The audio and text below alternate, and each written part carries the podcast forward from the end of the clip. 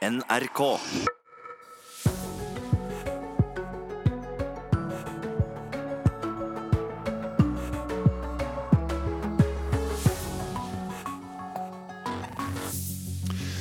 God morgen og velkommen til Nyhetsmorgen. I dag skal du få fire minutter med alt du trenger å vite om denne fyren.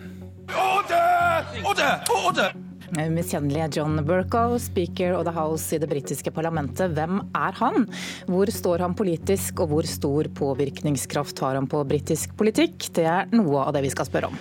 Og så skal vi fortelle om hva som er det gode alternativet til høydetrening for toppidrettsutøverne våre. De får samme effekt av å trene i intens varme og fuktighet. Mange av oss gikk til sengs med nyheten om ulykken på E39 ved Kristiansand omtrent, men hva var det egentlig som skjedde? Og Nyhetsmorgen det får du med Birger Kolsrud Jåsund og Anne Jetlund Hansen i dag. Men vi eh, skal først fortelle deg noe rart. Penger, bosted og flaks kan avgjøre om du får hjelp for sexproblemer. I dag er det nemlig sånn at du kan få hjelp hos fastlegen eller private sexologer, men mangel på fagfolk og lite kunnskap blant fastlegene fører til at det er tilfeldig om du får god og riktig hjelp. Og det mener i hvert fall leder i Norsk forening for klinisk sexologi, Tore Holte Follestad. Hvis du har penger og bor eh, i deler av landet med høy tetthet av private sexologer, så får du hjelp. Bor du i distriktene og ikke har penger, så får du ikke hjelp. Eh, slik at du kan være heldig, og du kan være uheldig. Eh, og det er altfor tilfeldig, tenker jeg, hvordan dette er organisert. slik at det er ikke bra nok da, med tanke på at en tror at ca. rundt 5% av befolkningen til enhver tid trenger sånn type hjelp så er det vel altfor tilfeldig hvordan dette er organisert og strukturert. Du kan høre mer om eh, seksuelle problemer i podkastserien Kunsten å komme i NRKs radioapp, eller hvor du nå måtte høre podkast. Men ikke bare det, vi skal snakke mer om disse problemene med en sexolog som kommer til oss her i Nyhetsmorgen om en liten halvtime. Skal videre til Arbeiderpartiets landsmøte nå, som det fortsetter i dag. og Der er det kommet flere forslag om en mykere asyl- og flyktningpolitikk. og Det blir det debatt om under møtet i dag. Trøndelag AUF går inn for å ta imot 35 000 kvoteflyktninger i løpet av de neste fem årene. Altså FN høykommissær, Når de ber oss om å ta med flyktninger, eh, så burde vi gå med på det. Det sier leder for Trøndelag AUF, Håkon Einarsve. FN har bedt Norge ta imot 5000 kvoteflyktninger AUF i Trøndelag plusser på til 7000 hvert år i fem år fremover, til sammen 35 000. Og Det er fordi vi mener at det er mulig i Norge. Vi har muligheten til å ta imot flere. Vi har muligheten til å integrere flere. Og vi har i kommunene rundt omkring muligheten til å ta imot flere og hjelpe flere. Og det er ikke bare de unge trønderne som vil øke antall kvoteflyktninger fra årets tall på 3000. Rogaland Arbeiderparti foreslår flere uten å tallfeste. Hordaland vil ta imot 5000 i året. Fra talerstolen på landsmøtet i går kom Einarsve med kraftig kritikk av partiets migrasjonsutvalg. I innstillinga til migrasjonsutvalget står det at vi skal vurdere antall kvoteflyktninger opp mot det FN foreslår. Og sjøl til Arbeiderpartiet å være, så er det verdensrekord i svada-formulering. Det er denne innstillingen som er utgangspunktet for dagens debatt på landsmøtet. Stortingsrepresentant Eirik Sivertsen sitter i kommunalkomiteen for Arbeiderpartiet. Han mener det er en dårlig idé å fastsette tall for flere år fremover, slik flere altså vil. Det er i hvert fall uttrykk for til mange som er engasjert i at vi skal ta vår del av det internasjonale ansvaret vi har. Men til behandling på landsmøtet vårt så ligger det et eh, forslag der vi er opptatt av at vi involverer kommunene i hvor mange vi skal ta imot hvert eh, eneste år, sånn at det er en god balanse mellom hvor mange som kommer og vår evne til å integrere dem, gi dem muligheten til å ha et bedre liv. Det er også kommet andre forslag om en mykere innvandrings- og integreringspolitikk. Øvre Eika vil ha en mer human og solidarisk migrasjonspolitikk. Rogaland Arbeiderparti vil i tillegg til solidarisk og rettferdig ha en raus innvandrings- og integreringspolitikk mens Lyngdal Arbeiderparti foreslår at formuleringene i Arbeiderpartiets innvandringspolitikk endres, slik at velgerne ser tydelig forskjell på egen og FrPs politikk. Forslaget fra Lyngdal oppfatter Sivertsen som en understrekning av Arbeiderpartiets verdier. Da er vi opptatt av å løse en problemstilling, og ikke bare spinne innvandrings- og integreringsproblematikken som en sånn skremselspropaganda for å mobilisere noen velgere. Vedtakene på Arbeiderpartiets landsmøte blir gjort i løpet av helgen. Einar Sve fra Trøndelag AUF tror på gjennomslag for en mykere linje enn det partiets migrasjonsutvalg har lagt opp til. Jeg har veldig stor trua på at når vi kommer ut av det landsmøtet her, så har partidemokratiet fått fram at vi ønsker en mer human asylpolitikk enn det som ble lagt fram fra eh, migrasjonsutvalget sin innstilling. Reporter her, det var Katrin Hellesnes. Nå skal vi se litt på det som skjedde mens natten lå over Norge.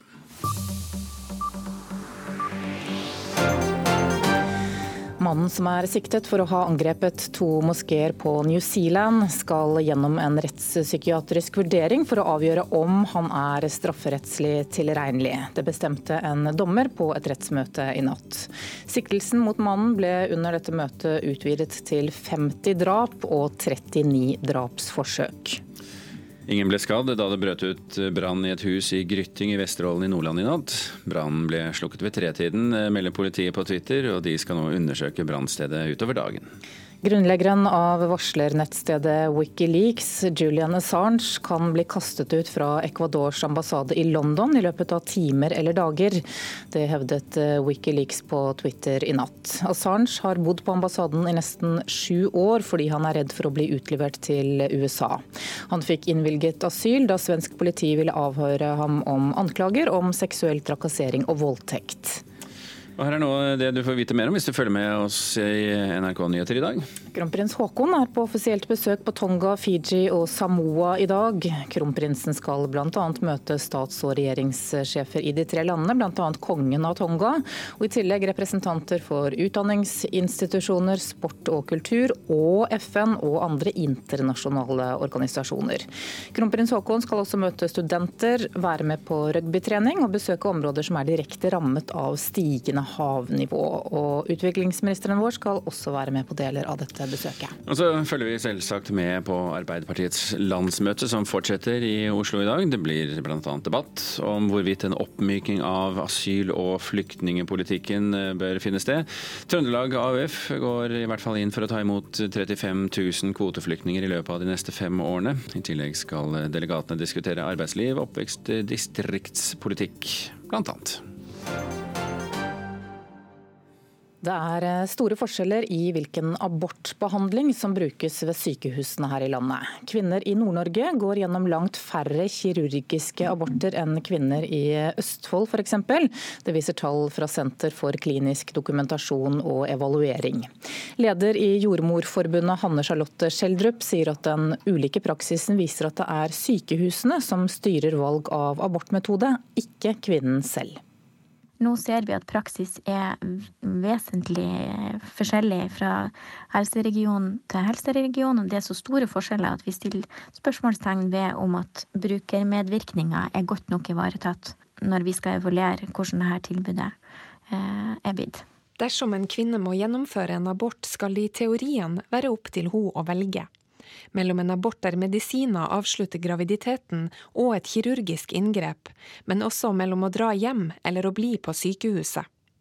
NRK har denne uken fortalt om Inger Marie Luptan, som på sykehuset opplevde en forventning om at hun ved hjelp av piller skulle klare aborten hjemme selv. Du får jo tilbud om å være på sykehus òg, på en måte, men det er liksom sånn siste skanse. Du får de medisinene som eh, du skal ha det, og får forklart hvordan du skal gjøre det. Får et lite ark med hvordan man skal gjøre det. Eh, og så skal du bare gjøre det. Dra hjem og gjøre det.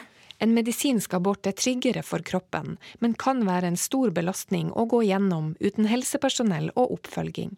Sykehusene Inger Marie kom til, kjenner seg ikke igjen i hennes beskrivelse av møtet med dem. Men Skjeldrup mener statistikken og forskjellene i praksis fra sykehus til sykehus viser at valget ikke lenger er kvinnens. Vi har helt klare veiledninger som skal være førende for det tilbudet som kvinner skal få i denne forbindelsen. Og da er det sånn at kvinner skal opplyses om at de har mulighet eh, til å være på sykehus, eller hvis de sjøl ønsker det og bor en time unna sykehus og har noen eh, hjemme hos seg, så kan de få utført denne medisinske aborten i heimen sin. Men da må de grundig informeres om at de kan forvente sterke til moderate smerter i forbindelse med det her. De kan forvente ei til dels kraftig blødning, og de kan bli uvel, og de trenger smertestillende underveis. Lederen i Jordmorforbundet sier det er på høy tid å ta tak i praksisen for å gi kvinner en reell valgmulighet, og den oppfølginga de har krav på. Det er nestleder i helse- og omsorgskomiteen på Stortinget for Senterpartiet, Kjersti Toppe, helt enig i. For Det tyder på at en ikke tar eh, hensyn til eh, kvinner, og at det er kvinners eget valg, men, men, at i stedet blir slik at det er sykehusene som, eh, som bestemmer praksisen. Og Det tenker jeg er veldig feil, og det kan en ikke akseptere. Toppe roser Inger Marie Lupton for å fortelle om sine erfaringer, og vil ta saken opp med helseminister Bent Høie. Det skal eh, være et reelt valg for kvinner å kunne være på, på sykehuset. Det skal være et tilbud eh, å reise hjem. Og sykehusene må jo selvsagt ta hånd om disse kvinnene. fordi at det er jo ikke hva som helst slags inngrep vi snakker om. Det vil jo alltid kunne være behovet for, eh, for oppfølging, og da å slippe å være eh, alene. Og dette må være et tilbud fra sykehusene, så her må helseforetakene endre praksisen sin. Det er selvsagt sykehusene som har ansvar for dette. Eh, det er de som er ansvarlig for at eh, medisinsk praksis er, er god. Eh, og det er også de som er, er ansvarlig for at kvinnen får god nok informasjon. Reporter her, det var um, Inghild Eriksen og Vilde Kristine Malmø. Og vi hørte til slutt her statssekretær i Helse- og omsorgsdepartementet, Anne Grete Erlandsen. Hvis man er toppidrettsutøver og ikke har anledning til å drive høydetrening, er det da andre metoder man kan bruke for å oppnå samme resultat? Eh, ja, faktisk. Nå viser ny forskning at trening i høy temperatur over lengre tid kan gi samme prestasjonsfremmende effekt. Det er veldig praktisk. En av eh, landets største terrengsykkeltalenter, Petter Fagerhaug, har vært med på en studie som ble utført ved Høgskolen i Innlandet eh, nå før jul, og merket effekt av det noe utradisjonelle treningen ganske umiddelbart. Rett i etterkant av prosjektet så dro jeg på treningssamling til Spania. og følte meg bedre enn jeg noen gang har gjort på sykkelen, faktisk. Toppsyklist Petter Fagerhaug er klar for å se resultatene av det unike forskningsprosjektet han har vært med på. 2,75 Fem ukers trening i nesten 40 varmegrader og 70% luftfuktighet gir like god utholdenhetseffekt som tre ukers høydetrening. Det viser studien fra Høgskolen i Innlandet og Olympiatoppen, der en rekke eliteutøvere tilbrakte fem timer i uken i en varm fellesdusj på Lillehammer. Å få en liten superkompensasjon inn mot rittet. Professor Bent Rønnestad var en av forskerne bak studien. Han mener resultatene kan være med på å gjøre treningshverdagen enklere for mange utøvere. Hvis han vil, så kan han faktisk da finne seg et varmt rom hjemme og sitte der og, og sykle rolig, f.eks. i en 50-60 eh, minutts tid. Eh, og gjøre det da fem økter i veka, og, og, faktisk oppnå samme effekt som et høydetreningsopphold det er litt enklere enn å reise opp på 3500 meter og ligge og styre på et eller annet sted og trene der. Så ja, ganske så kult at vi faktisk kan oppnå de samme resultatene ved å være på Lillehammer f.eks. og trene som normalt, leve et vanlig liv. Økt produksjon av røde blodceller etter varmetrening er unikt ifølge forskerne. De omtaler resultatene som oppsiktsvekkende. Ja, vi mener jo det. Eh, så, så det her er noe vi vil bygge videre på i forskninga vår, og, eh, og studere enda mer. Trening i en klam dusj er kanskje ikke like behagelig som å være i høyden. 21-åringen vil likevel fortsette med svetteøktene. Blir det varmerom hjemme nå, eller? Ja, det blir det absolutt. Bare å stikke på Biltema og handle noe presenning og en luftvukter, så er vi i gang. Nå ser jeg for meg at eh, det er mange rundt omkring i Norge som kommer til å lage om, eh, om kjellerboden sin. Men eh, ja ja, hvorfor ikke. Reporter uansett, Line Fosser Vogt.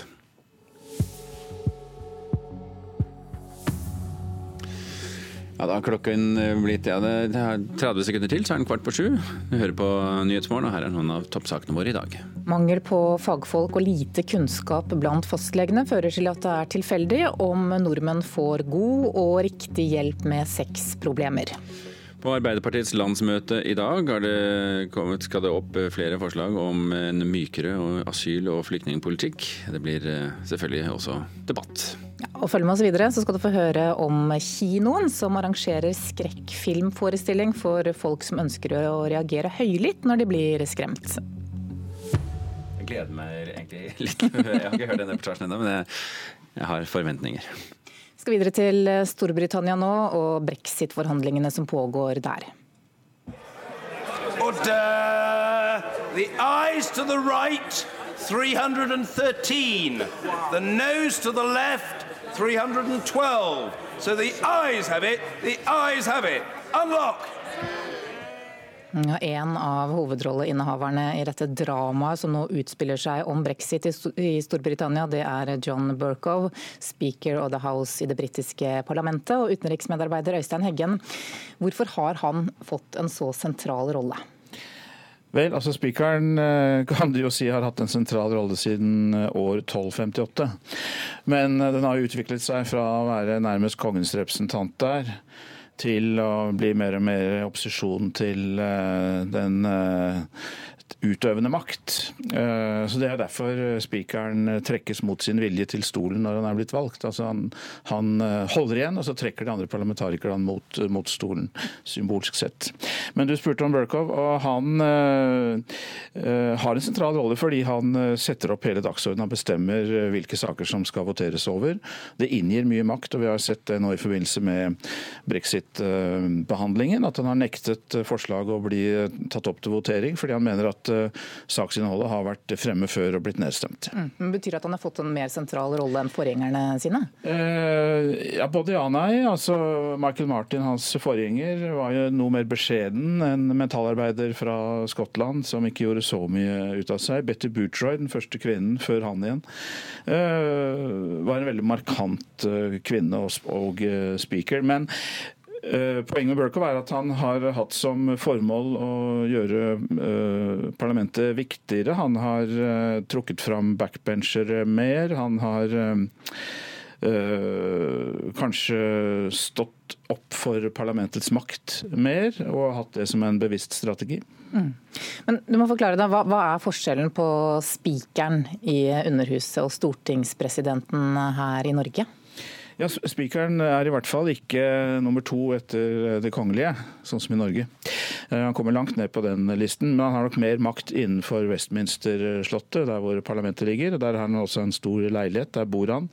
Prosesjoner med pomp og prakt. Og så har han nok vil jeg tro personlig kanskje mer direkte innvirkning og makt på prosessene enn det stortingspresidenten har i Norge. Der tror jeg det er mer et kollektiv.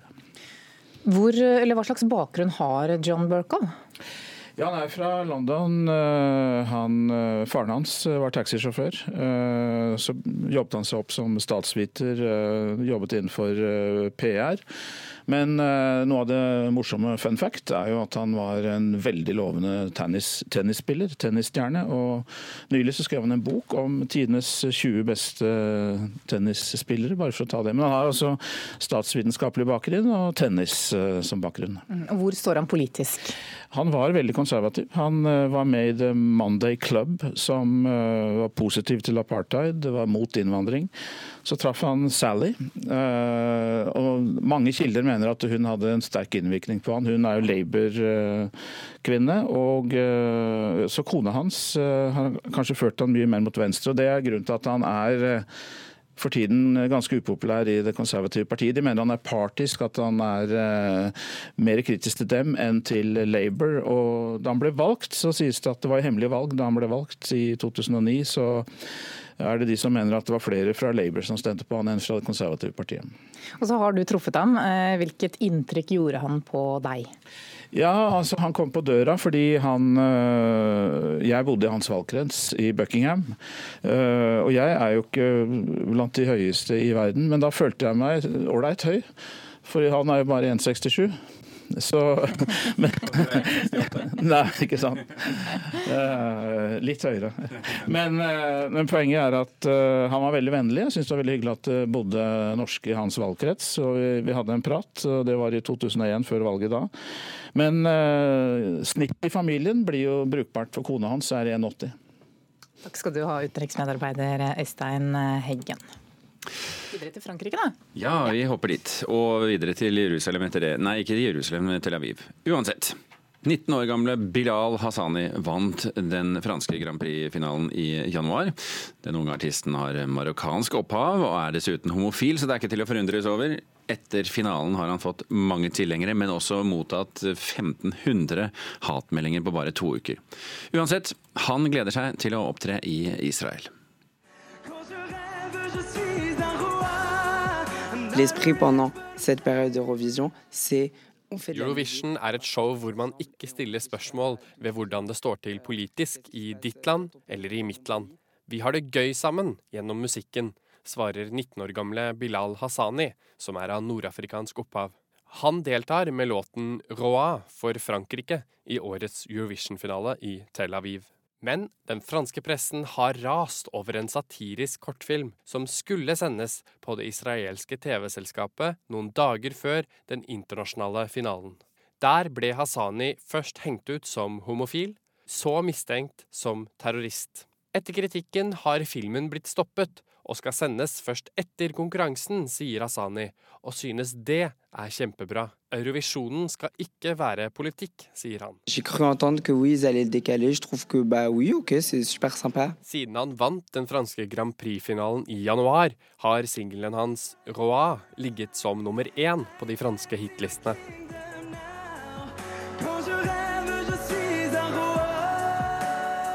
Men etter at han vant, har det ikke bare vært hyllest å få. Han fikk 1500 hatmeldinger de to første ukene, og siden har det blitt flere. Årsaken er at han er homofil, androgyn, og på scenen bærer han en langhåret parykk. Hatmeldingene har blitt politianmeldt. Hassani selv sier at han ikke vet om noen har blitt straffet for noe ennå. Ben, j'en sais rien pour l'instant, parce que on me laisse un petit peu vivre mon moment euh, de euh... Jeg bryr meg ikke om små idioter som herjer. Jeg konsentrerer meg om forberedelsene før Eurovision-finalen, sier han. Låta hans handler om å realisere seg selv. Våger man å vise sitt virkelige jeg, kjenner man seg som en konge. Jeg har alltid vært annerledes, sier Hassani. Han har også fått kritikk for at han blander engelsk og fransk i låten sin. Noen mener at han bare skulle ha sunget på fransk. Til sitt forsvar sier Hassani at han ikke vil skrive musikk som følger visse koder og matematiske formler.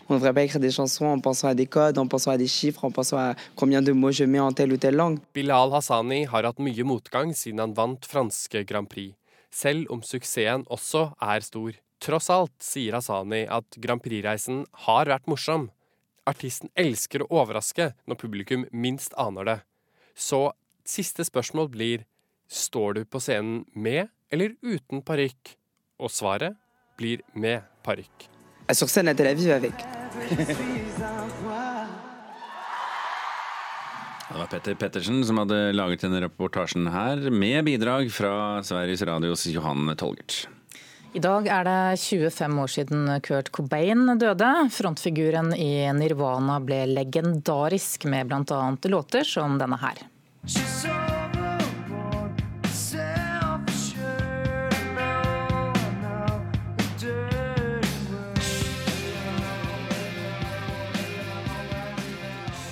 Dette er altså 'Smells Like Teen Spirit' med Nirvana. Kulturreporter Brage Li Jord, hva har Cobain betydd? Kurt Cobain har betydd veldig, veldig mye. Han er en ikonisk musiker som på mange måter har lagt grunnlaget for en hel sjanger med, med grunge, som, som Nirvana drev med. Og Nirvana er fremdeles den dag i dag et, et band med, med, enormt mange fans rundt omkring. og det er veldig veldig få som f.eks. ikke har hørt uh, 'Smells Like Teen Spirit'. Ja, hva er det som er så spesielt med den? eh, nei, det er jo Nirvanas desidert største, største hit. Eh, og Cobain selv sa at eh, det han prøvde å gjøre, var å skrive den ultimate poplåta. Og, eh, og kopiere det The Pixies drev med. Eh, fordi Pixies var eh, langt på vei liksom den største inspirasjonskilden til Cobain. Eh, og det han hadde lyst til, var å eh, matche samme, samme stilen som det, som det, de drev med. Eh, selve navnet på låta kommer eh, visstnok fra at eh, vennen til Cobain, eh, Kathleen Hanna, hadde skrevet 'Kurt Smells Like Teen Spirit' på en vegg Teen Spirit er da en deodorant som det ble solgt veldig mye av på det tidspunktet. Det, det, visste ikke Cobain da de ga ut, ga ut, låta, så det fant han først ut flere måneder etterpå. Men da var det litt seint å gjøre noe med det. Og så fikk dette dødsfallet enorm oppmerksomhet. Hvordan døde han? Eh, det også er det veldig mye konspirasjonsteorier knytta til, eh, som, som, så mange eh, rundt om. Men både politiet og de fleste andre er vel egentlig enige nå om at han døde av At han tok selvmord da for nå 25 år siden i dag. Og da var han 27 år og ble som så mange andre en del av det som kalles The 27 Club, med mange, masse, masse musikere som, som døde i en alder av 27. Hvilke andre er med der? Nei, det er, eh, det er, veldig mange. Ikke bare musikere, men andre, andre artister også. Man, for å nevne noen, så kan man jo ta Brian Jones, Jim Hendrix, Janis Joplin, Jim Morrison. Blant annet. Takk skal du ha, kulturreporter Brage Li Jord.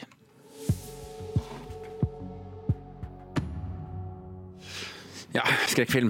I dag har nyinnspillingen av skrekkfilmen Pet Cemetery premiere på kino. Filmen er basert på en roman av Stephen King, og ryktet til originalen fra 1989 har allerede ført til at fansen gleder seg. Men er man garvet skrekkfilmfan, så kan det være ganske forstyrrende å ha folk som skriker og hyler og høylytt gir uttrykk for at de skvetter eller blir eh, skremt. Så det har Hamar kino tatt eh, til seg, forteller kinosjef Espen Jørgensen.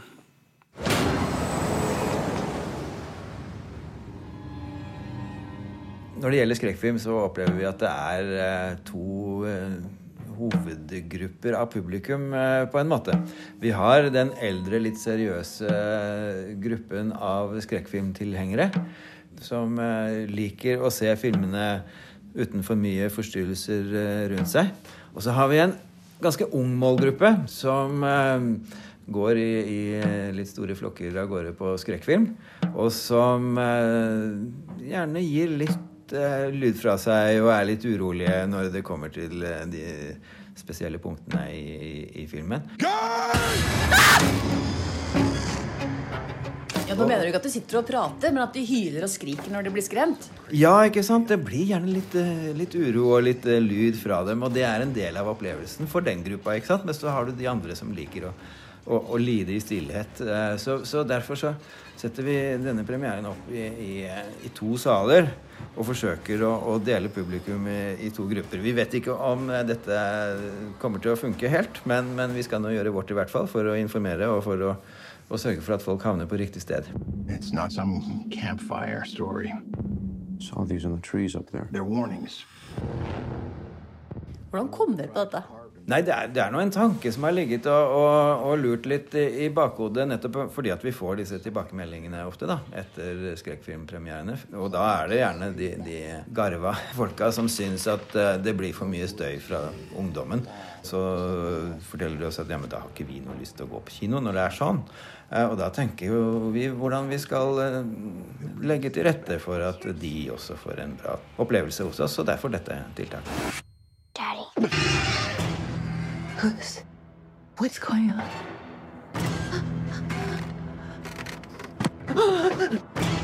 Nå skal vi eh, teste ut dette her, se hva publikum eh, synes. Eh, og så ser vi om det er noe vi skal trekke med oss videre til senere premierer. Det vi har fått av tilbakemeldinger, er i hvert fall positive. Vi bruker jo gjerne sosiale medier når vi skal uh, legge ut sånne ting. Og de tilbakemeldingene vi får der, de er jo utelukkende positive. LA discovered a charming little landmark, the pet cemetery. Hvilken kategori er du sjøl når du ser skrekkfilm? Lider du i stillhet, eller er du høylytt? Du, jeg er i den tredje kategorien. Som unngår i sin helhet alt som har med skrekkfilm å gjøre.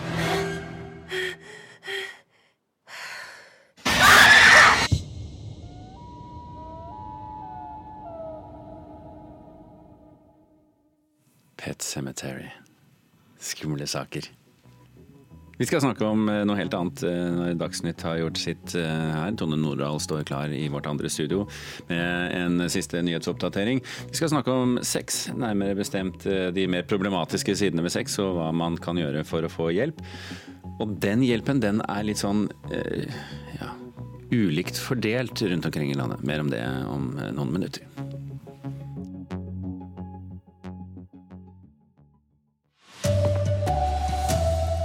Hets og trusler gjør at mange politikere vurderer å trekke seg.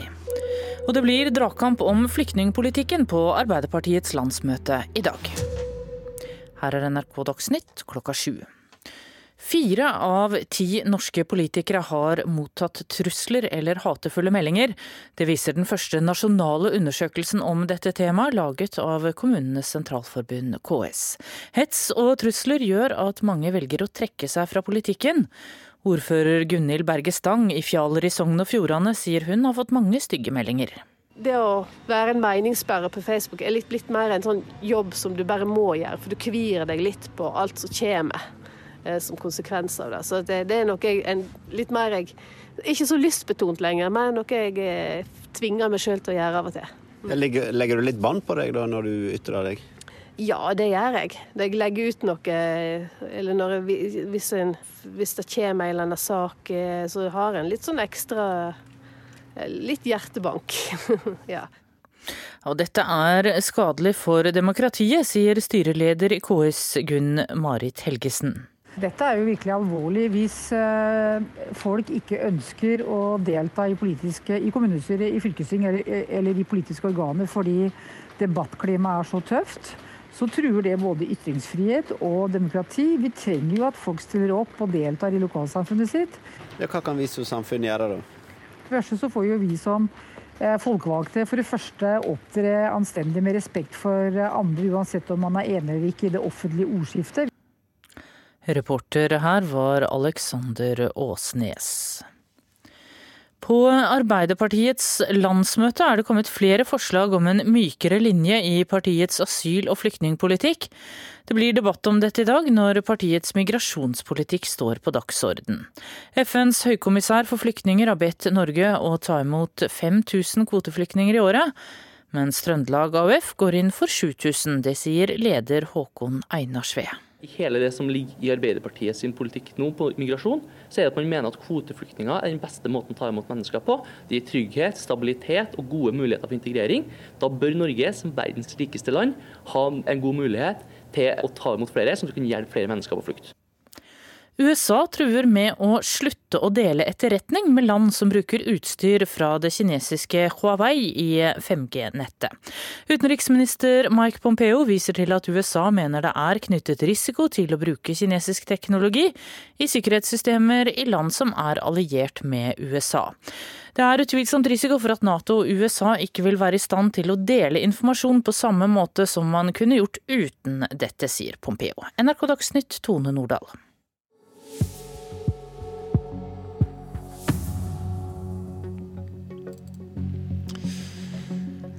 Ja, klokken eh, er eh, tre minutter over eh, sju. Du hører på Nyhetsmorgen, og de viktigste sakene våre i den neste halvtimen er at vi skal snakke om jeg bare får ryddet litt opp i både hjerne og, andre ting. Vi skal snakke om at en bilist omkom i en frontkollisjon like utenfor Kristiansand i går kveld. Vi skal fortelle deg hva vi vet om denne ulykken. Takk skal du ha, Anne. Vi skal også til Istanbul, der den nyvalgte borgermesteren fra opposisjonen har erklært seier for andre gang denne uken. I dag er det akkurat 15 år siden Norsk Kontantservice i Stavanger ble ranet. Vi får besøk av en av dem som har skrevet bok om dette ranet. Og enda litt senere i sendingen da snakker vi om drøye timen. Da er det selvfølgelig Fredagspanelet, eh, som er eh, Kulturnytts lett satiriske tilnærming til eh, ukens nyheter. Ja, ukas høydepunkt for deg, vet jeg. Ukas høydepunkt for meg. Så jeg kan sitte i ro og mak og høre på og glede meg over det. Yes. Um, vi snakket litt tidligere i sendingen om at det kan være penger, bosted og flaks som avgjør om du får hjelp for sexproblemer. Ikke rart da at fagfolk frykter at folk med sexproblemer ikke får den behandlingen de trenger. Ofte er det jo vanskelig å finne riktig behandling til pasienter som sliter med ting som lyst, ereksjon, smerter og orgasme. Det forteller både fastleger og sexologer. Og det selv om slike problemer er høyst vanlig.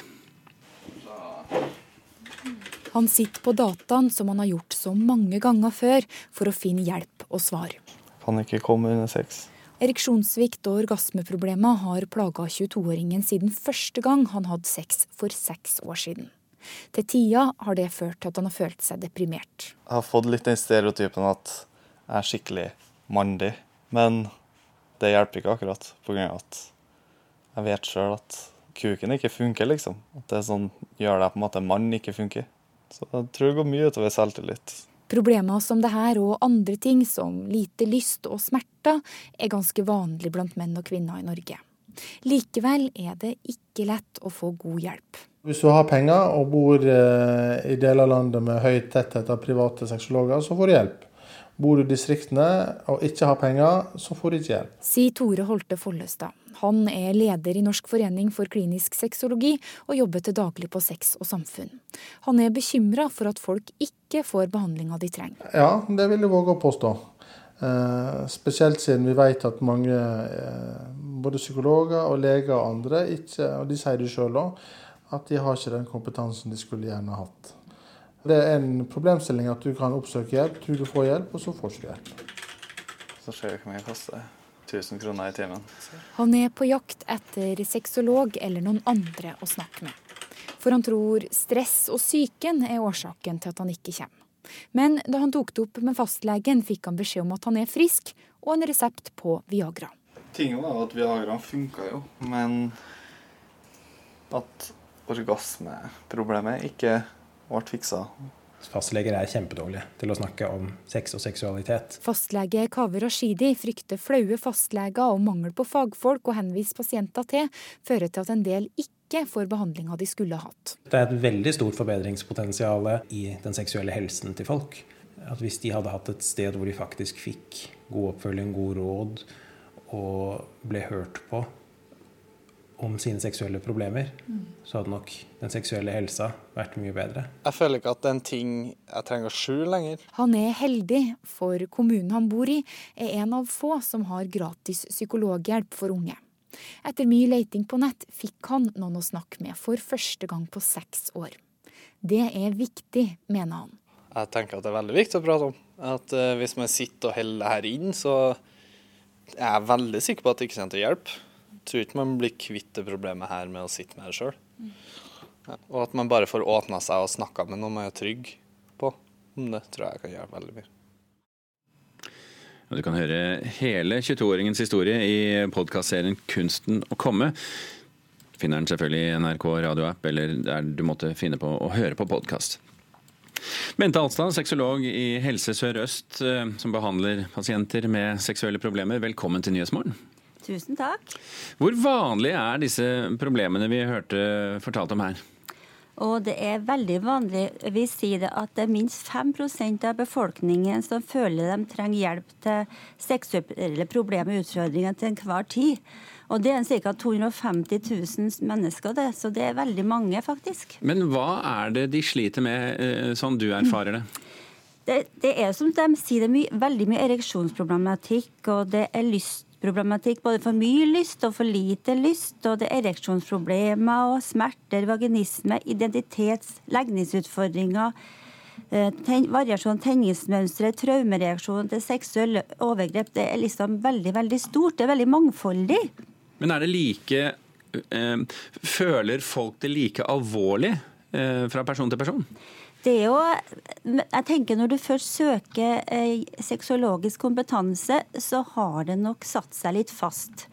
For det jeg tenker, alle andre, Når seksualiteten ikke er noe problem, så, så tror jeg ikke vi tenker over det. Det bare går av seg sjøl. Men så fort du, du, får seksuelle utfordringer, så får du litt panikk og tenker 'hjelp, hvem skal jeg gå til, hvem kan hjelpe meg?' Og så, så står du der, da. Men hva er det du hjelper til med? Hva er det du gjør eh, som sexolog? Hva jeg gjør som sexolog? Ja, det kan du si. Det er, det er veldig mye normalisering, tenker, tenker, jeg. Og det er mye psykoedukasjon. Det vil si at jeg, det er kunnskap og informasjon om det problemer de sliter med, som går veldig mye i. For det er veldig lite kunnskap i forhold til seksualitet blant befolkningen. Og som jeg hørte den unge mannen her som sleit med ereksjonsvansker, det har jeg veldig mange av. Og som i nesten i alle aldre menn, men ofte veldig mange unge menn som kommer i forhold til ereksjonsproblematikk. Eh, er det noen spesielle aldersgrupper som hadde nær sagt utmerker seg? Jeg, har, jeg, jobber jo i voksenpsykiatrien. Jeg har kontor der som, eller stilling der som sexolog. Og hos meg så er det pasienter fra 17 til Yngste var 17, og den eldste var vel 76 som jeg har hatt hittil, i hvert fall. Mm. Så, og det er ganske jevnt fordelt, men det er kanskje mest i sånn 20-30-årene som kommer. Du, du, bruker jo en distinksjon du sier det er forskjell på sex og seksualitet. Hva, hva, mener du når du sier det? Nei, for Når folk tenker sex, så tenker de at det bare er samleie orgasme. Og det, det er det jo langt derifra, for seksualiteten er jo integrert i ethvert menneskes personlighet fra vi er født. Vi er jo seksuelle vesen helt fra, nesten fra vi er mors mage. Og, og den seksualiteten er den som påvirker både tanker, følelsene og handlingene våre og samspill med andre mennesker. Og da, og da, er det ikke noe rart at når det blir problemer her, så, så, så sliter vi, altså. Mm. Men, men, hva uh, Jeg går ut fra at siden problemene er uh, mange og varierte, så er også løsningene mange og varierte? Det har du alles rett i. Det kan være alt ved enkelthendelse, som jeg sier, eller et mangfoldig problem. Ofte så glir det over i hverandre. og og flere årsaker. Det, det F.eks. du har eh, fysiske sykdommer som diabetes, kreft og hjertesykdom er de største sykdomsgruppene. Eh, sånn i forhold til sånn fysisk sykdom. Og så har du psykiatrien, da, eller alle med psykiske utfordringer. Både med bare så enkelt som depresjon og angst, og identitet og legningsproblematikk ikke, ikke minst eh, reaksjoner til seksuelle overgrep. Og så må jeg jo si det at, eh, som jeg snakka om, så kom en unge mann her, at veldig mange unge mennesker kommer med, som kommer til meg, det er jo sånn at eh, de har lært seksualitet eller fra pornografi. For, de, for mesteparten som kommer, så sier de du, Beate, det er noe galt med meg. Så sier jeg hva er det som er galt med deg, da? Og så kommer det alle det derre liksom Nei, det kommer for lite sæd ut. Altså, det, når, når, jeg, når, jeg, kommer har jeg stor nok penis, og ikke, den virker ikke. Eh, og mange unge gutter er så stressa og bekymra for ikke å prestere. De er redd for, for å ikke få ereksjon og veldig redd for å komme for tidlig. Og når de sammenligner seg med pornografien og, og deres seksualitet eh, eller onani har pågått i forhold til pornografi, så er det veldig mange som ikke klarer å ha ha samleie med en vanlig jente i etterkant, så må faktisk, du må faktisk ha hjelp. og Vi må snakke om det, hva som gjør at ikke du får det til. Mm. Mm. Du, eh, Et tema det er mulig å snakke om i timevis. Vi, ja, ja. vi, er nødt til å runde av her nå.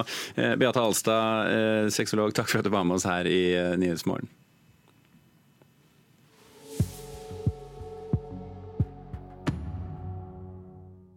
En eh, bilfører mistet livet i en frontkollisjon like utenfor Kristiansand i går kveld. Personen kjørte ifølge politiet i motgående kjøreretning da ulykken skjedde. Reporter Lars Hægeland, i går så kom det meldinger om at denne ulykken skjedde etter en politijakt. Hva mer vet vi om det nå i morgentimene?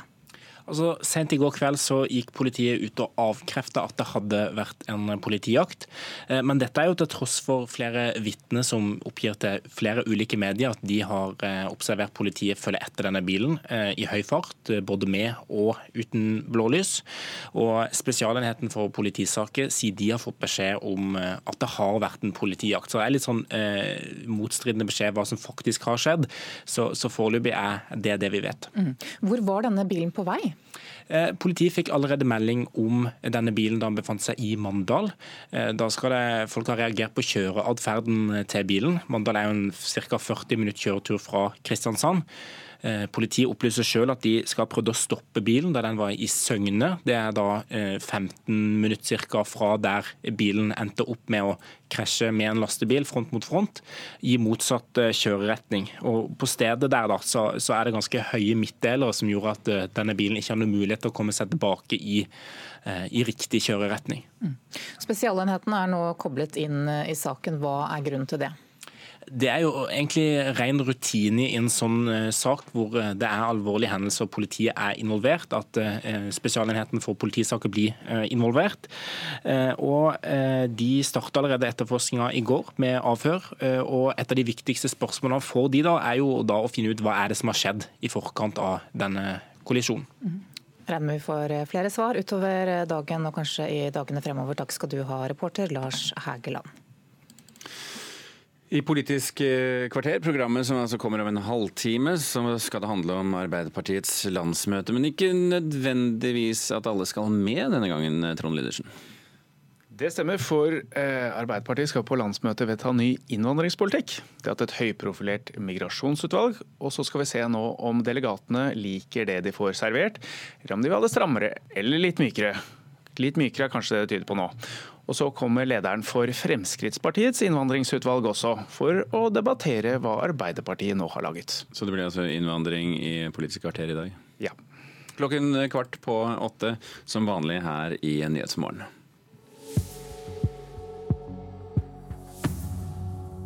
Nå er klokka kvart over sju.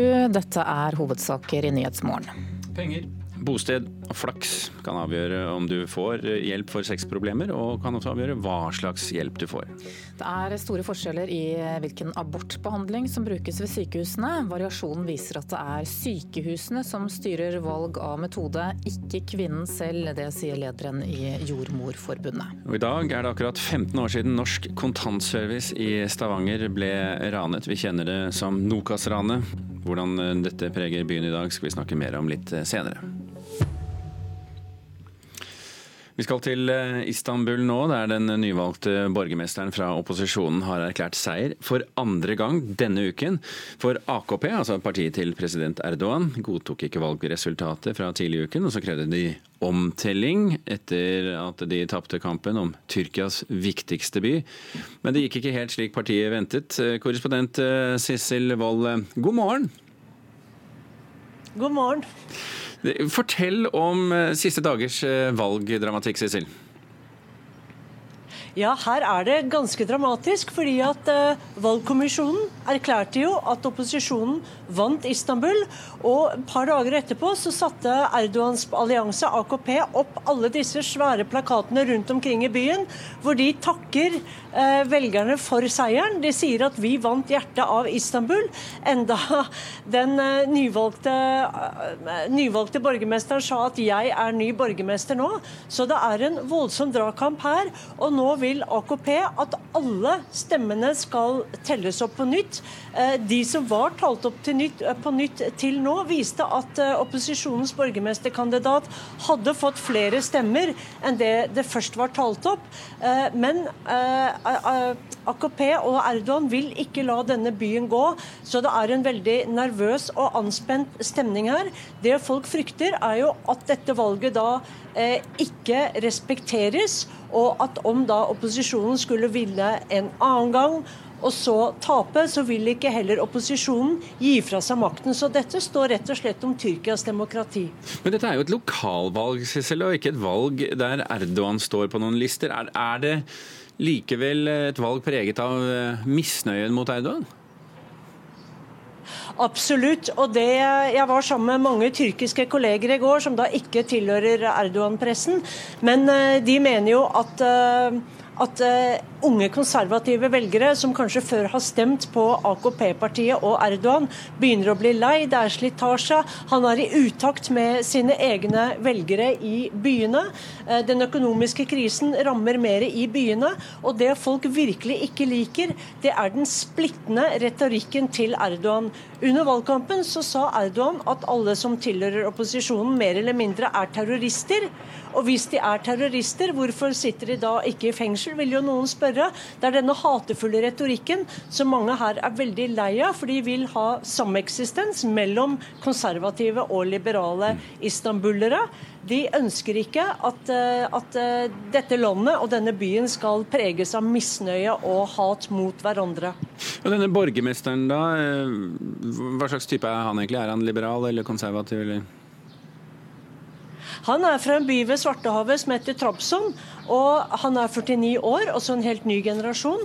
Han heter Imamolo, det betyr sønn av imamen. Og det har nok hjulpet han til å få mange konservative stemmer. Og han er veldig åpen. Eh, de kollegene mine som har rukket å intervjue han, sier at han sier de riktige tingene, at eh, stemmene må tale, og at her må eh, ting foregå på rett måte. Alle spør han selvfølgelig har du tenkt å bli president i Tyrkia, fordi Erdogan startet jo sin politiske karriere som borgermester av Tyrkias største by i, 19, eh, i 1994, for 25 år siden. Mm. Men eh, de du snakker med, eh, hva, hva sier de om at Istanbul nå skal ledes av opposisjonen? Jeg snakket med han jeg vanligvis kjøper blomster av, og han fortalte at på alle de 25 årene hvor han har kunnet stemme, så er det første gang at stemmen hans har virket, er, er blitt talt opp, og at hans parti har vunnet. Så han var helt eh, over seg av eh, både glede, men også overraskelse. Eh, andre mener at, eh, at, at, at, dette er veldig veldig spennende og dramatiske tider. De tror at, eh, eh, Erdogan og hans allianse må gi seg til slutt ut. Eh, en av alliansepartnerne hans sier at det var terrorister som telte opp stemmene. Altså Retorikken er uh, veldig hatefull nå, fordi at det er så mange i Erdogans uh, krets og i hele systemet her som har veldig mye å tape hvis dette er begynnelsen på slutten for Erdogans parti. Men, men, er, men selvfølgelig er, er, det, er det like hatefullt på begge sider? Nei, det er Erdogans eh, base som er mest redd for å miste makten, for de har så mye å miste. Det er mange som har fått posisjoner fordi de har partiboken i orden. Det er veldig mange som er avhengig av at Erdogan er ved makten, og det er han jo absolutt fremdeles som mektig president. Men det er så mange som har så mye å miste. Hvis AKP skulle miste en stor by som Istanbul, og hvis deres eh, oppslutning er nedadgående. Ok, Sissel, vi, vi runder av der i denne omgang, så vet jeg at vi får sikkert svaret på hvordan det blir etter hvert når resultatene kommer inn. I dag er det akkurat 15 år siden Norsk kontantservice i Stavanger ble ranet. Ved åttetiden på morgenen slo ranerne til og fikk med seg 57,4 millioner kroner. Det oppsto skuddvekslinger midt i Stavanger sentrum. Politimannen Arne Sigve Klungland ble drept. Og her er et utdrag fra vår morgensending i NRK Rogaland den dagen. Vi skal til eh, Stavanger sentrum, og vi hører sirener og vet at det har vært et ran i Norges Bank. Nede i, ved, ved Breiavatnet i Kongsgaten står det en politibil som eh, tydeligvis har blitt skutt på. Ja, jeg så eh, at tre ransbiler passerte idet de skulle flykte. Politiet jakter nå på ransmennene. Det ble avfyrt en del skudd idet de skulle stikke. Det ble løsnet skudd både fra ranerne og fra politifolkene. Du ser kulehullene i Hennes og Maurits-bygget, det gamle Hetland Sparebank. Ja, jeg ble ganske redd. Jeg gjorde det, for det var jo snakk om seks-syv meter fra her. Jeg kunne se rett inn i bilen. Jeg så jo ranerne. Og i dette ble også en politimann skutt og drept. Ja, Sånn hørtes det altså ut eh, den morgenen det skjedde. Hans Petter Aas, journalist og forfatter, velkommen til Nyhetsmorgen. Tusen takk for det. Du har vært med på å skrive boka 'Dødsranet', en innsideberetning om David Toska og hans nettverk eh, i 2009. La oss gå akkurat 15 år tilbake, klokka kvart over sju eller eh, nesten fem på halv åtte den morgenen den 5. april. Ranerne hadde fortsatt ikke slått til. Hva var det som foregikk eh, akkurat da? Eh, nei, Da var det jo på vei sentrum. De hadde samla seg på en parkeringsplass eh, like, politi, altså like bortafor politikammeret, faktisk. Eh, og Så eh, drar de derfra inn mot sentrum, det er bare noen få minutter. og På veien dit så parkerer de da også en brennende lastebil for å stenge politibilene inne. Før de da kjører bort og angriper da eh, tellesentralen i Stavanger sentrum. Ja, For der inne foregikk det pengetelling? Ja, der inne foregikk pengetelling. og Det var jo en eh, pengesentral som skulle flyttes. Og derfor den, eh, den var gammel, og derfor skulle den eh, flyttes. og Dette hadde jo da ransmiljøet på Østlandet blitt klar over, under ledelse av Toska. Og så slo de til, like før flytting. Ja, En drøy halvtime altså klokka åtte senere, drøy halvtime senere så var altså ranet i gang. Hva var det første du tenkte da de første nyhetsmeldingene om ranet begynte å tikke inn? Det var mye som kom tilbake til meg når jeg hørte åpningen på innslaget her nå i sted. Nei, eh, Vi skjønte jo ikke helt omfanget før eh, litt utpå dagen. Men jeg tror alle som var i Stavanger eh, den formiddagen og den morgenen, husker akkurat hvor de var når de fikk vite det, hva som hadde skjedd i Stavanger. Nei, vi, skjønte jo at det var et stort anslag. Vi skjønte jo at det var et veldig spesielt ran. Men dimensjonene gikk jo ikke opp for oss før vi fikk eh, høre om eh, antallet skudd som var avfyrt i et veldig tett befolka område, og at en politimann var drept. Mm. For Selv om dette ranet var planlagt i, i flere år, da, ifølge boka deres, i hvert fall, så, så gikk det ikke som planlagt i Stavanger den morgenen? Altså dette starta jo i, Allerede i 2002 så var det en utro vekter som lekka opplysninger om dette til, til ransmiljøet i Oslo. og Det var faktisk forsøkt solgt inn til flere andre miljøer før det nådde Tosca. Eh, og Det ble planlagt da veldig nøye og grundig av Tosca, men det forandra seg jo. for Det vi fant ut når vi jobba med boka, var jo at det var tredje gang de faktisk forsøkte. Det var tredje gang det var et ranslag fra Østlandet i Stavanger for å eh, begå eh, innbrudd i, eller ran i tellesentralen. Og Det vokste seg større og større, og til slutt så, så skjedde det som skjedde. Ranerne fikk med seg over 50 millioner kroner. Hvor har det blitt av de pengene? Ja, det er det jo mange som lurer på.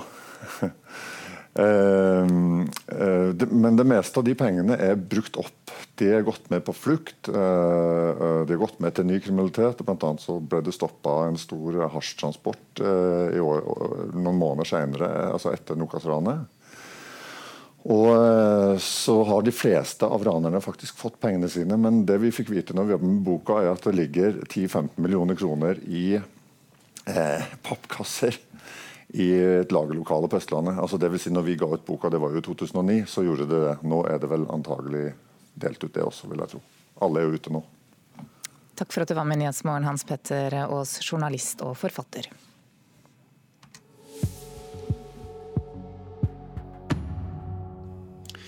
Nå skal vi snakke om uh, villrein og felling av villrein. Uh, det er sånn at Både grunneiere og jegere er veldig skeptiske til forslaget om å skyte ned nesten hele bestanden av reinsdyrbukk på Hardangervidda. Hardangervidda villreinutvalg foreslår en fellingskvote på 7000 voksne bukker i høst 2019. Årsaken er Mattilsynets krav om raskest mulig å finne ut om villreinbestanden er smittet av skrantesjuke. Tidligere direktør i Direktoratet for naturforvaltning, Stein Lier Hansen, han er en av dem som er kritisk til forslaget. Ja, så Dette er et eksperiment, egentlig. Det er ingen som kan si med sikkerhet om hva som blir konsekvensene. Det er et unødig eksperiment. En, en, en utsetter den bestand for et helt unødig stress ved å gjøre det på den måten. Og så lenge ikke eh, dette er begrunna eh, som en helt nødvendig tiltak for å utrydde CVD, men mer eh, et hastverkstiltak for å klargjøre Hardangervidda-villreinen for overføring til Nordfjella, så mener jeg at eh, da må en kunne ta seg lengre tid. En kan ikke la seg presse så hardt av et politisk vedtak. Vinteren 2017-2018 blei hele villreinstamma i sone 1 i Nordfjella slakta ned etter at det ble oppdaga skrantesjuke. Hallgeir Herikstad, som er skrantesjukekoordinator i Mattilsynet, avviser at forslaget om å felle nær 2000 bukk på Hardangervidda er et hastverkstiltak.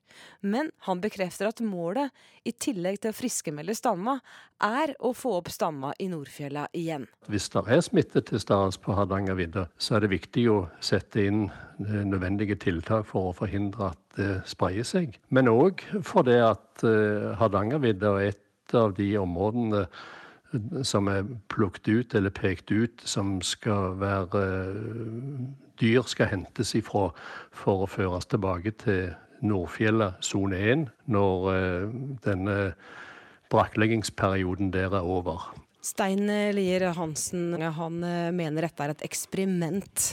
Hva sier du til det? Jeg vil ikke kalle det for et eksperiment, men jeg skal òg eh, innrømme at det er veldig mye vi ikke vet.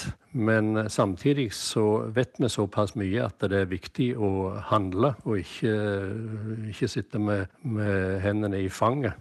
Så når, når dere gjør dette så hastig, så er det ikke med bakgrunn i politikk? Dette her er kun faglig? Ja, fra vår side forholder vi oss til den faglige planen. Men det er klart, planen er jo godkjent av departementet. Så hva slags avskygninger som ligger bak i vurderingen, det skal ikke jeg si. Men vi forholder oss til en faglig plan. Men departementet er de som til sjuende og sist har godkjent dette opplegget. Henning Paulsson er grunneier på Møstrand og medlem i Villreinutvalget, som nå har eh, kvoteforslaget ute på høring. Han forstår at folk er bekymra når så mange bukker skal skytes for å avverge skrantesjuke. Men, sier Paulsson, de vil ikke ha en situasjon som i Nordfjellet, der staten sto for nedslaktinga. Reporter i denne saken, det var Anita Moland. Vi nærmer oss eh, Dagsnytt eh, klokka halv åtte her i Nyhetsmorgen. Tone Nordahl sitter klar med siste nytt. Ti minutter, og så er vi tilbake etter det. Folk med sexproblemer får ikke den behandlingen de trenger, sier fagfolk. Fire av ti politikere utsettes for trusler. Det setter demokratiet i fare, mener kommunenes organisasjon. Og lederen for den internasjonale straffedomstolen i Haag blir nektet adgang til USA. God morgen, her er NRK Dagsnytt klokka 6.30. Penger, bosted eller flaks kan avgjøre om folk får hjelp med sexproblemer. I dag kan man få hjelp hos fastlegen eller private sexologer, men mangel på fagfolk og lite kunnskap blant fastlegene fører til at det er tilfeldig om folk får god og riktig hjelp. Det mener både sexologer og fastleger. Og det selv om slike problemer er vanlig. Jeg har fått litt den stereotypen at jeg er skikkelig mandig, men det hjelper ikke akkurat. På grunn av at jeg vet sjøl at kuken ikke funker, liksom. At det sånn, gjør det på en måte mann ikke funker. Ereksjonssvikt og orgasmeproblemer har plaga 22-åringen siden første gang han hadde sex for seks år siden. Til tida har det ført til at han har følt seg deprimert. Jeg tror det går mye utover selvtillit. Problemer som det her og andre ting som lite lyst og smerter er ganske vanlig blant menn og kvinner i Norge. Likevel er det ikke lett å få god hjelp. Hvis du har penger og bor eh, i deler av landet med høy tetthet av private sexologer, så får du hjelp. Bor du i distriktene og ikke har penger, så får du ikke hjelp. Sier Tore Holte Follestad. Han er leder i Norsk forening for klinisk sexologi og jobber til daglig på Sex og samfunn. Han er bekymra for at folk ikke får behandlinga de trenger. Det er en problemstilling at du kan oppsøke hjelp, tror du får hjelp, og så får du ikke hjelp. Fastleger er kjempedårlige til å snakke om sex og seksualitet. Fastlege Kaveh Rashidi frykter flaue fastleger og mangel på fagfolk å henvise pasienter til, fører til at en del ikke får behandlinga de skulle hatt. Hvis de hadde hatt et sted hvor de faktisk fikk god oppfølging, god råd, om sine seksuelle problemer, så hadde nok den seksuelle helsa vært mye bedre. Jeg føler ikke at det er en ting jeg trenger å skjule lenger. Han er heldig, for kommunen han bor i er en av få som har gratis psykologhjelp for unge. Etter mye leiting på nett fikk han noen å snakke med for første gang på seks år. Jeg tror ikke man blir kvitt det problemet her med å sitte med det sjøl. Og at man bare får åpna seg og snakka med noen man er trygg på. Det tror jeg kan gjøre veldig mye. Reporter her var Marit Gjelland. Og du kan høre mer om seksuelle problemer i podkastserien Kunsten å komme. Den kan du finne i radioappen til NRK, eller der du pleier å høre podkast. Fire av ti norske politikere har mottatt trusler eller hatefulle meldinger. Det viser den første nasjonale undersøkelsen om dette temaet, laget av kommunenes organisasjon KS. Hets og trusler gjør at mange velger å trekke seg fra politikken. Ordfører Gunhild Berge Stang i Fjaler i Sogn og Fjordane sier hun har fått mange stygge meldinger. Ja, det kan være at du, at du gir et sterkt uttrykk for at en på litt usaklige måter gir uttrykk for at en misliker det en mener, eller at en det kan være, det kan være seksuelt innhold i det. Eh, at den, det kan være at, at en får personkarakteristikker. Da. Mm. Ordfører Gunhild Berge Stang i Fjaler forteller at det ikke er uvanlig at hun mottar meldinger med hetsende og trakasserende innhold etter at hun har ytra seg i det offentlige rom. Og det syner seg at hun er langt fra alene. I dag så legger KS fram den første nasjonale undersøkinga som har kartlagt hatefulle ytringer og direkte trusler mot lokalpolitikere i Norge. Styreleder i KS, Gunn Marit Helgesen, tykker ikke at resultatene er oppløftende. Ja, jeg syns det er ganske alvorlige resultater. fordi fire av ti sier jo at de har vært utsatt for eh, hatefulle ytringer eller trusler. Og 39 sier jo at de er utsatt for eh, veldig hatefulle ytringer. Vi ser også at de yngste er mest utsatt. Vi vet at kvinner ofte har hatt mer trusler og hets enn menn, men de yngste er merkelig nok enda mer utsatt. Dette er jo virkelig alvorlig hvis eh, folk ikke ønsker å delta i, i kommunestyret, i fylkesting eller, eller i politiske organer fordi debattklimaet er så tøft så truer det både ytringsfrihet og demokrati. Vi trenger jo at folk stiller opp og deltar i lokalsamfunnet sitt. Reporter her var Alexander Åsnes. USA har tilbakekalt visumet til lederen av den internasjonale straffedomstolen i Haag, Fatou Bensouda. Ifølge hennes kontor i Haag har det skjedd fordi domstolen gransker mulige krigsforbrytelser begått av amerikanske soldater i Afghanistan. Og utenriksmedarbeider Øystein Heggen, hva er bakgrunnen for at USA protesterer så kraftig mot lederen av denne domstolen? USA har vært kritisk til denne domstolen siden den ble etablert i 2002. og I forrige måned så varslet utenriksminister Mike Pompeo at USA vil nekte innreise til USA til alle i domstolen som gransker USAs soldater i eh, Afghanistan eller soldater fra USAs allierte. Eh, domstolen gransker bl.a. om eh, soldater kan ha utført tortur på fanger, men USA aksepterer altså ikke domstolens mandat og myndighet. Eh, og er for så vidt ikke alene. Russland, Kina og India aksepterer heller ikke domstolen, som riktignok er godtatt av 123 land. Hvilke reaksjoner er kommet på USAs avgjørelse? Ja, Fra FN blir det sagt at eh, USAs innblanding er upassende.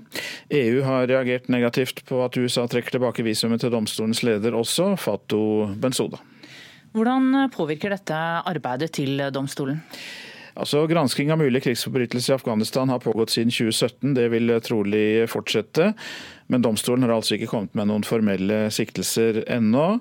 I en uttalelse fra domstolen heter det at eh, Fatou Bensouda vil utføre sine plikter upartisk og uten frykt fortsatt. Og hun kan faktisk da dra til FN i New York, men da må hun be om et begrenset diplomatvisum som gjelder transport fra flyplassen til FN og uh, tilbake igjen. Takk, Øystein Heggen. På Arbeiderpartiets landsmøte er det kommet flere forslag om en mykere linje i asyl- og flyktningpolitikken. Det blir debatt om dette i dag, når partiets migrasjonspolitikk står på dagsordenen. Trøndelag AUF går inn for å ta imot 35 000 kvoteflyktninger i løpet av de neste fem årene. Altså FN høykommissær, Når de ber oss om å ta med flyktninger, eh, så burde vi gå med på det. Sier leder for Trøndelag AUF, Håkon Einarsve. FN har bedt Norge ta imot 5000 kvoteflyktninger AUF i Trøndelag plusser på til 7000 hvert år i fem år fremover. Og Det er fordi vi mener at det er mulig i Norge. Vi har muligheten til å ta imot flere. Vi har muligheten til å integrere flere. Og vi har i kommunene rundt omkring muligheten til å ta imot flere og hjelpe flere. Og det er ikke bare de unge trønderne som vil øke antall kvoteflyktninger fra årets tall på 3000. Rogaland Arbeiderparti foreslår flere uten å tallfeste. Hordaland vil ta imot 5000 i året. Det er også kommet en rekke andre forslag om en mykere innvandrings- og integreringspolitikk. Fra talerstolen på landsmøtet kom Einar Sve i går med kraftig kritikk av partiets migrasjonsutvalg. I innstillinga til migrasjonsutvalget står det at vi skal vurdere antall kvoteflyktninger opp mot det FN foreslår. Og sjøl til Arbeiderpartiet å være, så er det verdensrekord i svada-formulering. Og det er denne innstillingen som er utgangspunkt for debatten på landsmøtet, og innstillingen går ut på at kommunene skal involveres, sier stortingsrepresentant Eirik Sivertsen. Jo bedre vi er på integrering, desto større rom er det for å ta imot eh, flere. Men vi er opptatt av at det skal være balanse. Da må vi ha kommunene, som har hovedansvaret for integreringa, med på det laget og vurdere hvert år hva er det riktige tallet. Reporter her var Katrin Hellesnes. Det blir mer om dette i Politisk kvarter på P2 kvart på åtte. 19 år gamle Bilal Hassani vant den franske Grand Prix-finalen i januar. Den unge artisten har marokkansk opphav og er homofil. Etter finalen har han fått mange fans, men også fiender. På bare to uker fikk han 1500 hatmeldinger som nå er politianmeldt. NRK har møtt Hassani i Paris, og han sier han ser frem til den internasjonale finalen i Israel. L'esprit pendant cette période d'Eurovision, c'est Eurovision er et show hvor man ikke stiller spørsmål ved hvordan det står til politisk i ditt land eller i mitt land. Vi har det gøy sammen gjennom musikken, svarer 19 år gamle Bilal Hassani. Han deltar med låten 'Roa' for Frankrike i årets Eurovision-finale i Tel Aviv. Siden han vant den franske Grand Prix-finalen i januar, har singelen hans ligget som nummer én på de franske hitlistene. Men etter at han vant, har det ikke bare vært hyllest å få. Han fikk 1500 eh, hatmeldinger de to første ukene, og siden har det blitt flere. Årsaken er at han er homofil, androgyn, og på scenen bærer han en langhåret parykk. Hatmeldingene har blitt politianmeldt. Hassani selv sier at han ikke vet om noen har blitt straffet for noe ennå. Jeg bryr meg ikke om små idioter som herjer. Jeg konsentrerer meg om forberedelsene før Eurovision-finalen, sier han.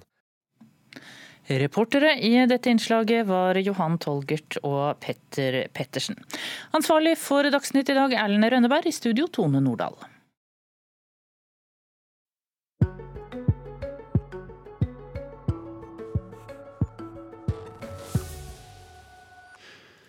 Barn over hele landet lærer nå å bokbade forfattere. La oss si at bokbadet er et verb. Metoden er utviklet for å gi barn økt leseglede og leselyst. I går ble forfatter Mina Lystad bokbadet av sjetteklassingene under barnebokfestivalen i Grimstad.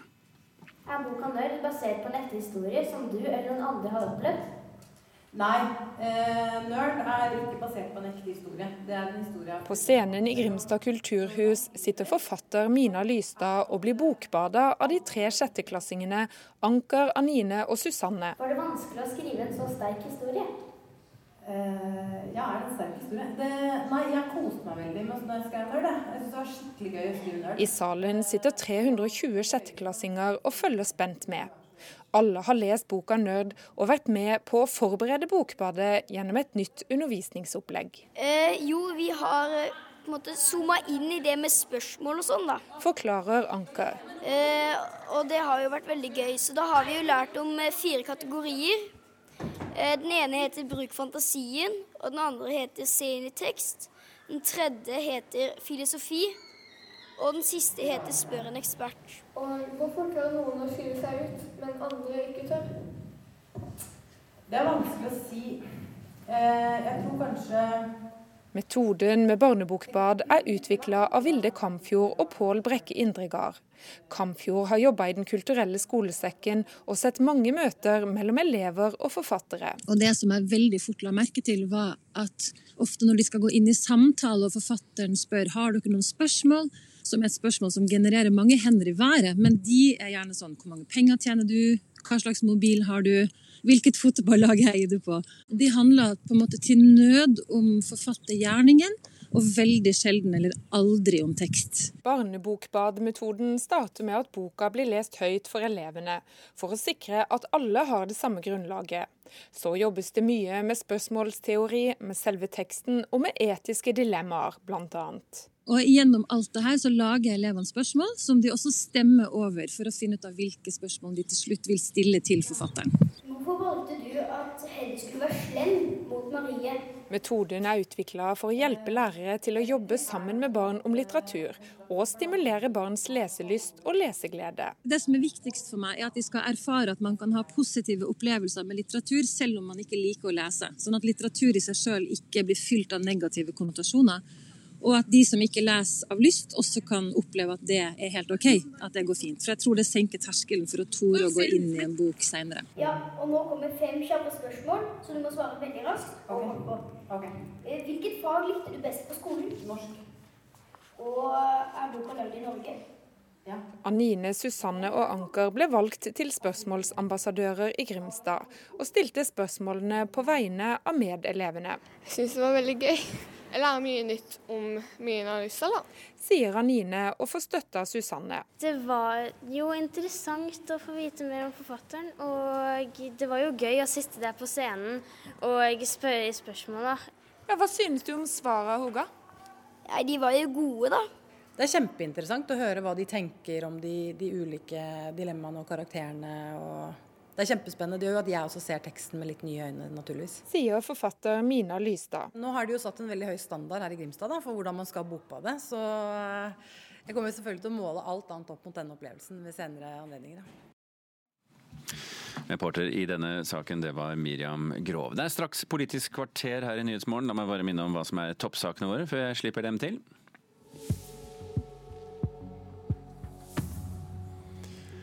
Folk med sexproblemer får ikke den behandlingen de trenger, sier fagfolk. Flaks og tilfeldigheter kan avgjøre hva slags hjelp du får. Fire av ti politikere utsettes for trusler. Det setter demokratiet i fare, mener kommunenes organisasjon. Og lederen for den internasjonale straffedomstolen i Haag blir nektet adgang til USA. EU og FN mener reaksjonen fra USA er upassende. Ja, I dag skal Arbeiderpartiet diskutere innvandringspolitikk på sitt eh, landsmøte, og da blir det naturlig nok eh, debatt om det også i Politisk kvarter. Programleder Trond Lydersen sitter klar med sine gjester.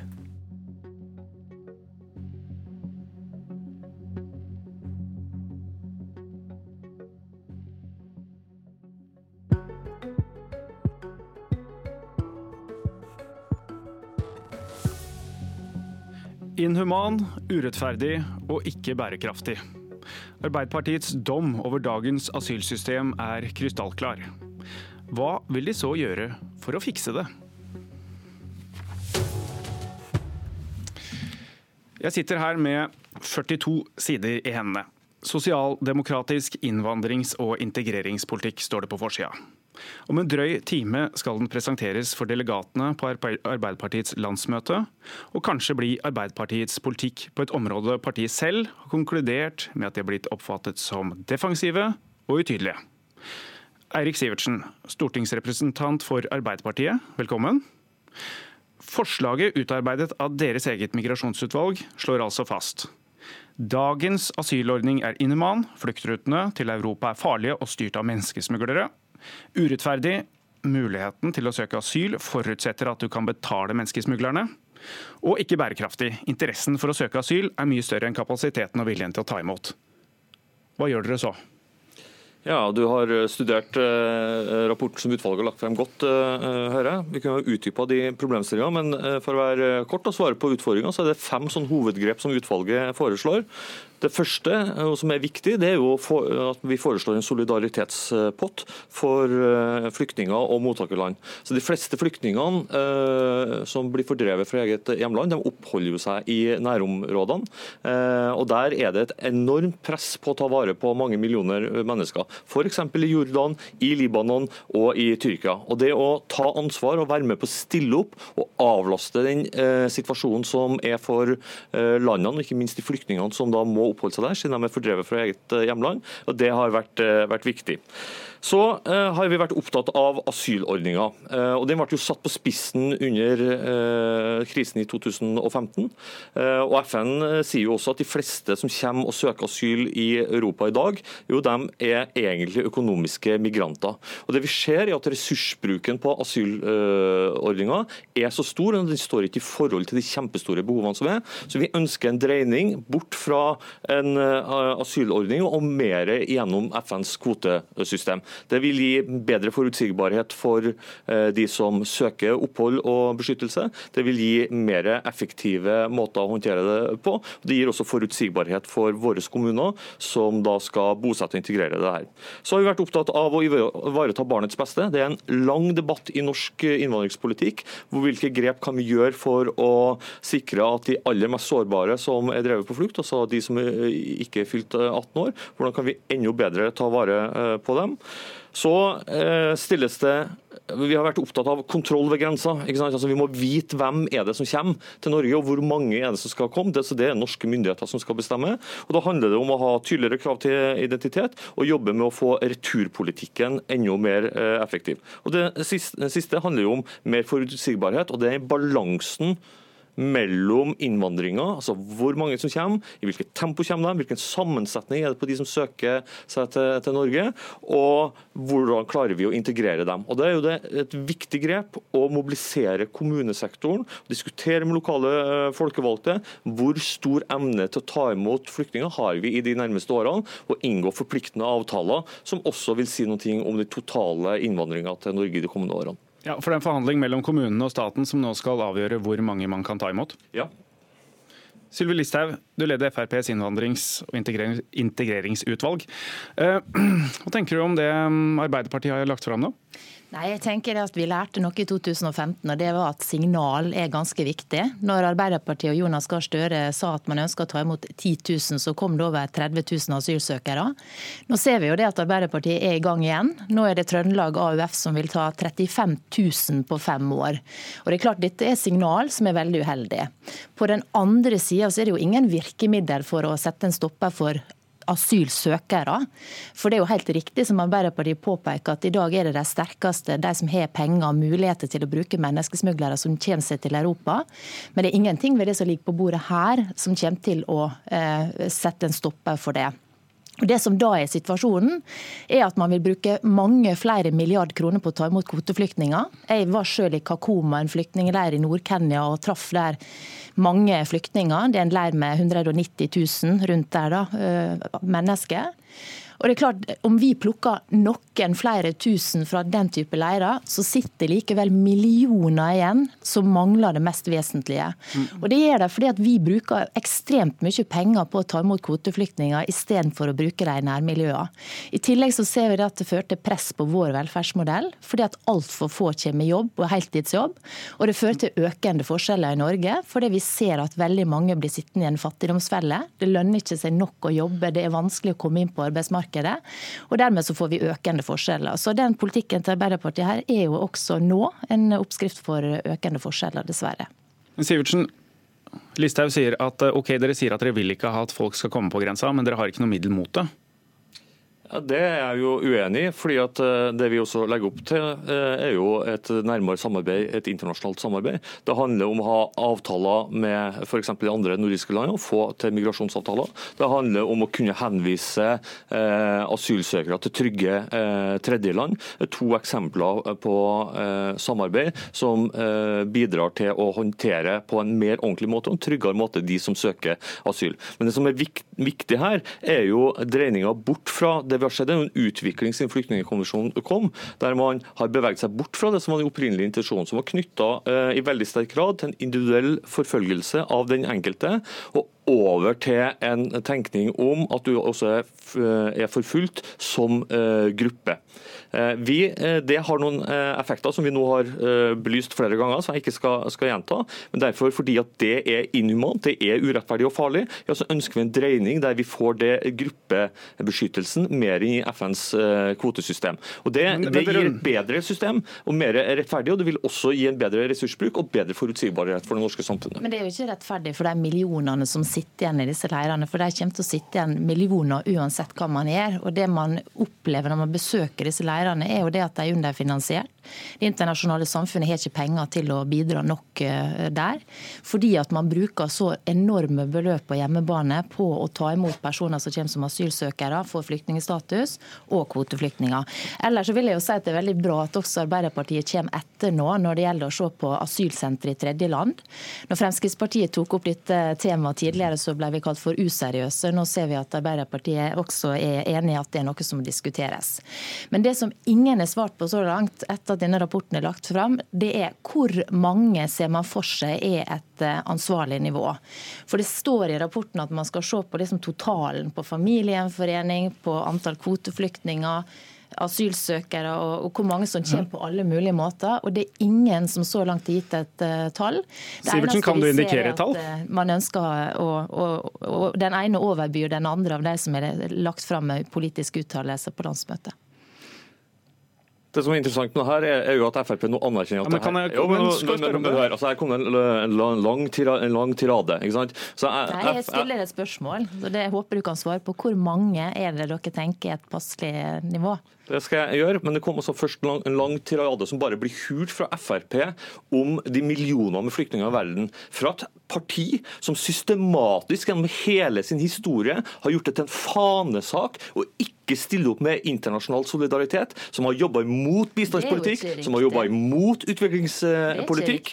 Og, vi, eh, og, I forhold til den utfordringa på den første tiraden, ja, så foreslår vi bl.a. en solidaritetspott som nettopp skal stå, gå til å, til å, styrke de nabolandene kommunene som tar den store belastninga og tar imot de millionene av menneskene som er på flukt, som ikke ønsker seg til Norge, men som er drevet bort fra sitt eget hjemland, og dem ønsker vi å stille opp fra. For så, så kan jeg svare på, uh, på spørsmålet som jeg blir utfordra på, på tallet. Og Det er jo også en ekstrem forenkling av en vanskelig uh, problemstilling. Og Jeg kommer ikke til å si et uh, tall her. Vi har Men det står i rapporten at dere men hvis du, ha hvis du vil ha et svar, så må du være villig til å lytte til, til svaret også. ok? Absolutt, men vi har et tall. Ja. Jeg kommer altså ikke til å si et tall her, fordi at det er en ekstrem eh, for, forenkling. Men vi indikerer i rapporten at det er en sammenheng mellom hvem vi tar imot, i hvilket tempo gjør vi det, og sammensetninga. Vi sier at vi ønsker å se asylankomster, kvoteflyktninger og familiegjenforening i en samme... Men- Ja, jeg er fortsatt ikke ferdig. nå skal jeg spørre, fordi at på, øhm, Når det gjelder kvoteflyktninger, så snakker man jo veldig tydelig om tall. Det gjør vi fordi at det er en del av det årlige 3000 statsbudsjettet. alternativt budsjett, og så er det lokallag som ja. kommer med 5000. Ja, det Så er AF eh, Trondheim 7000. Så da, da snakker vi om tall.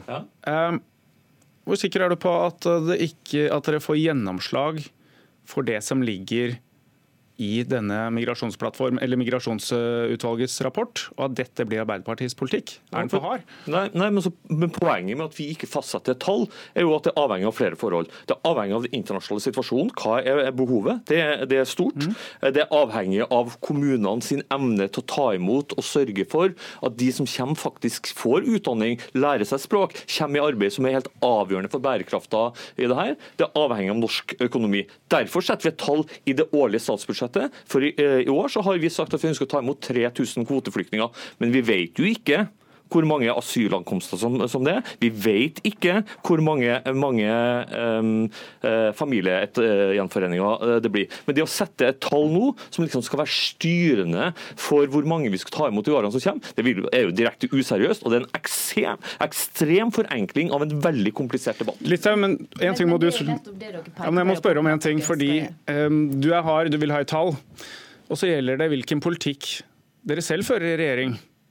Når du ser den rapporten som kommer, det som skal vedtas av Arbeiderpartiet, hva er det der som er mindre strengt enn det dere faktisk fører? Nei, altså, Der er jo ikke veldig mange forslag der som kommer til å begrense innvandringa. Man ønsker å ta mange kvoteflyktninger. Fremskrittspartiet skal ha en diskusjon framover på, på det spørsmålet. Fordi at Det gjorde enormt inntrykk på meg og mange andre som har vært besøkt sånne leirer. og Men se Listhaug, så hva, i den, hva i det Arbeiderpartiet legger fram nå, er det du mener er mye mindre restriktivt, som dere ønsker, enn det regjeringen faktisk fører? Nei, Det jeg ser og, og som jeg stiller spørsmålstegn det er hvilket nivå vil man legge seg på. Det er det som mangler svar på, for det står i rapporten at man ønsker det. Og Så registrerer vi også at når det gjelder politiske uttalelser til landsmøtet, så er det gjennomgående mange lag og også fylkeslag som ønsker å myke opp. Eh, og Det ser ut til at det er Lysbakken og Moxnes som er inspirasjonskilde også på grasrota i Arbeiderpartiet når det gjelder innvandringsspørsmålet. og Det er klart det er bekymringsfullt. Vi får se svaret på hvem det er som vinner denne kampen. Det får vi nå i løpet av eh, et drøyt døgn, i hvert fall. Tusen takk til Eirik Sivertsen fra Arbeiderpartiet og Sylvi Listhaug fra Fremskrittspartiet. Og så skal vi over til vår kommentator Lars Nehru Sand på samme tema. Blir dette Arbeiderpartiets nye innvandringspolitikk, det som legges fram nå?